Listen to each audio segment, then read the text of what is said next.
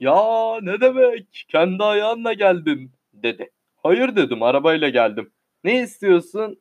Son günlerde bütün gazeteler sizden söz ediyorlar da.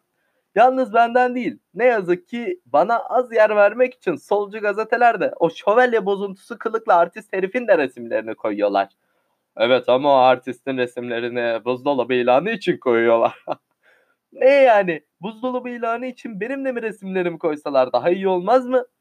Haklısınız. Adamlarda ticaret kafası yok.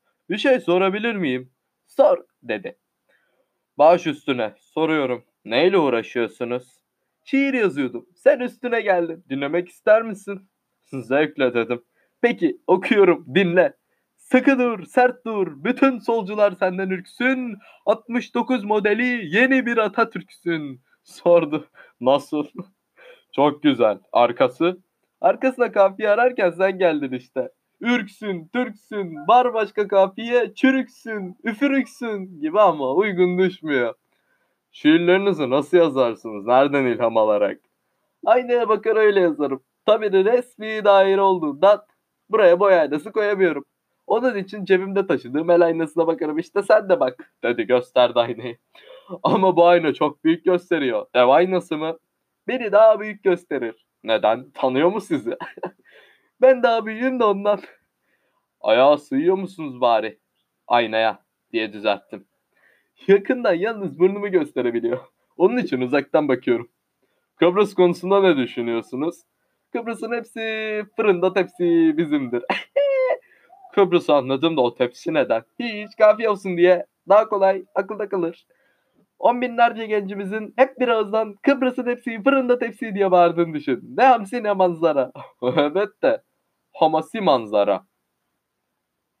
Ay ne için düşünüyorsunuz? Eller gitti aya. Biz yine kaldık ya ya. Biz de aya gidecek çok insan var da işçi olarak Almanya, Avustralya ya da başka yerlere gidemeyenler pasaportlarını versek aya gidecekler. Ama biz o zaman burada yalnız başımıza kalacağız. Aya gidecek insan bizde çok. Yalnız bir küçücük eksiğimiz var. Nedir? Füzemiz yok. Ah bir de olsa. Emekli olmak istemediğiniz söyleniyor. Ay'a gidilmeden, Kıbrıs alınmadan emekli olmak istemem elbet dedim. Böbürlenerek. Ondan sonra, ondan sonra yani Kıbrıs'tan sonra Girit var, Rodos var, Kınalı var, Burgas var, Yassıada var, Saysana adaları. Aydan sonra Venüs var, Zühre var, Neptün var, saysana yıldızları. Daha çok ada, çok yıldız var. Hem sonra yaşım da küçük. Siz ona ne bakıyorsunuz? Akıl yaşta değil, baştadır. Okurlarım. Belki de bu konuşmayı ileri gelenlerden önemli biriyle yaptığımı sanmışlardır. Kendisiyle konuştuğum Maliye Tahsis Şubesi kalemindeki evrak memuru Hıdır Bey. Bütün küçük memurlar gibi emekli olup bu daireden ayrılırsa tüm işlerin duracağını, hiçbir işin yürüyemeyeceğini sanıyordu.